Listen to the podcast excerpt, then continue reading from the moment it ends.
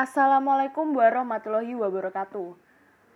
Perkenalkan nama saya Renata Ariela, nomor absen 29 dari kelas 8A.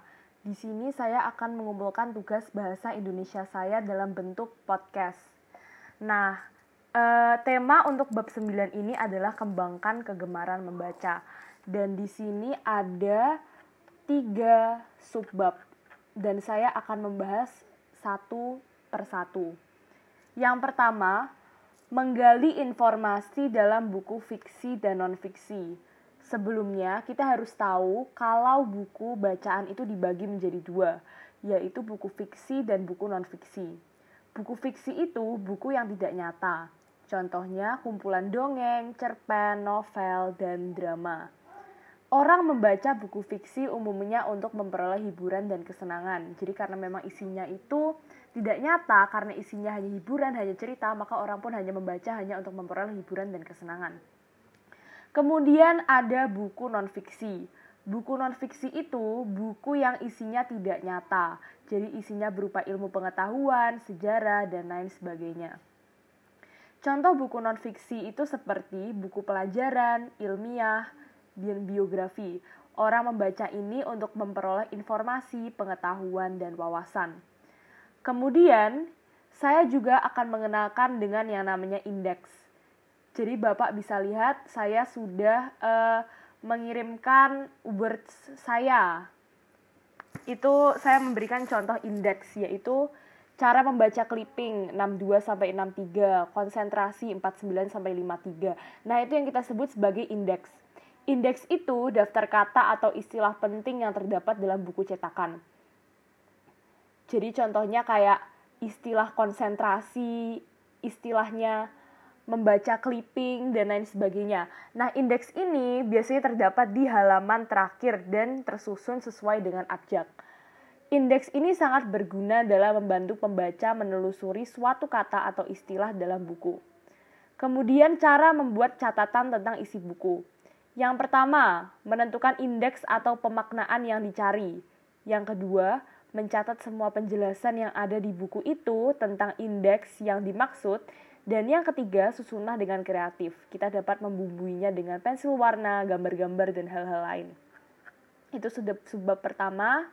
Kemudian subbab kedua adalah menyajikan peta konsep dari isi buku fiksi atau non-fiksi.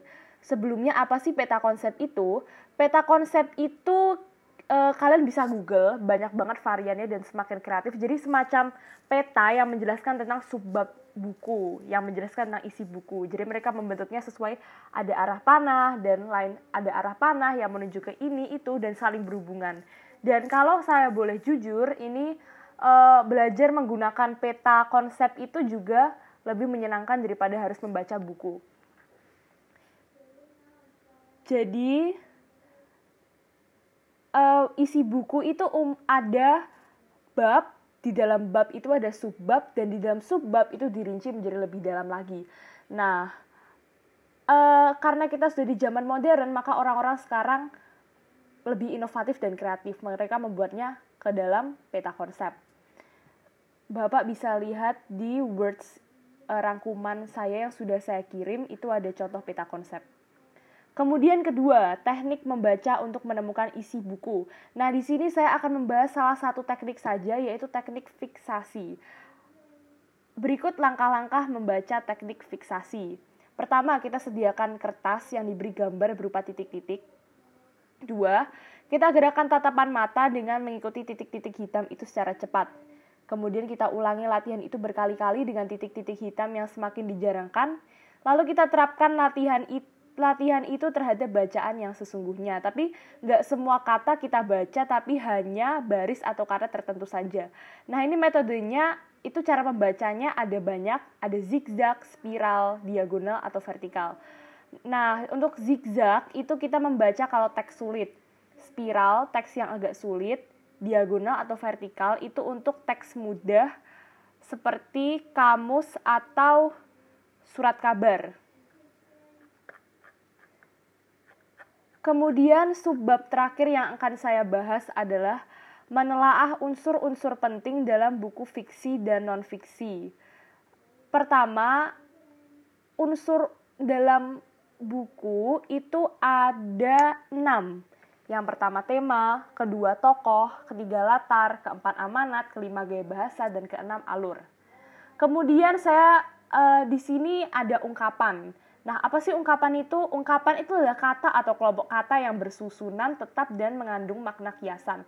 Contohnya lapang dada, berat hati, ringan tangan. Itu kan tidak, apa ya, maksudnya itu kan seperti kata-kata yang mengandung makna kiasan kan. Maknanya kan tidak real, tidak nyata.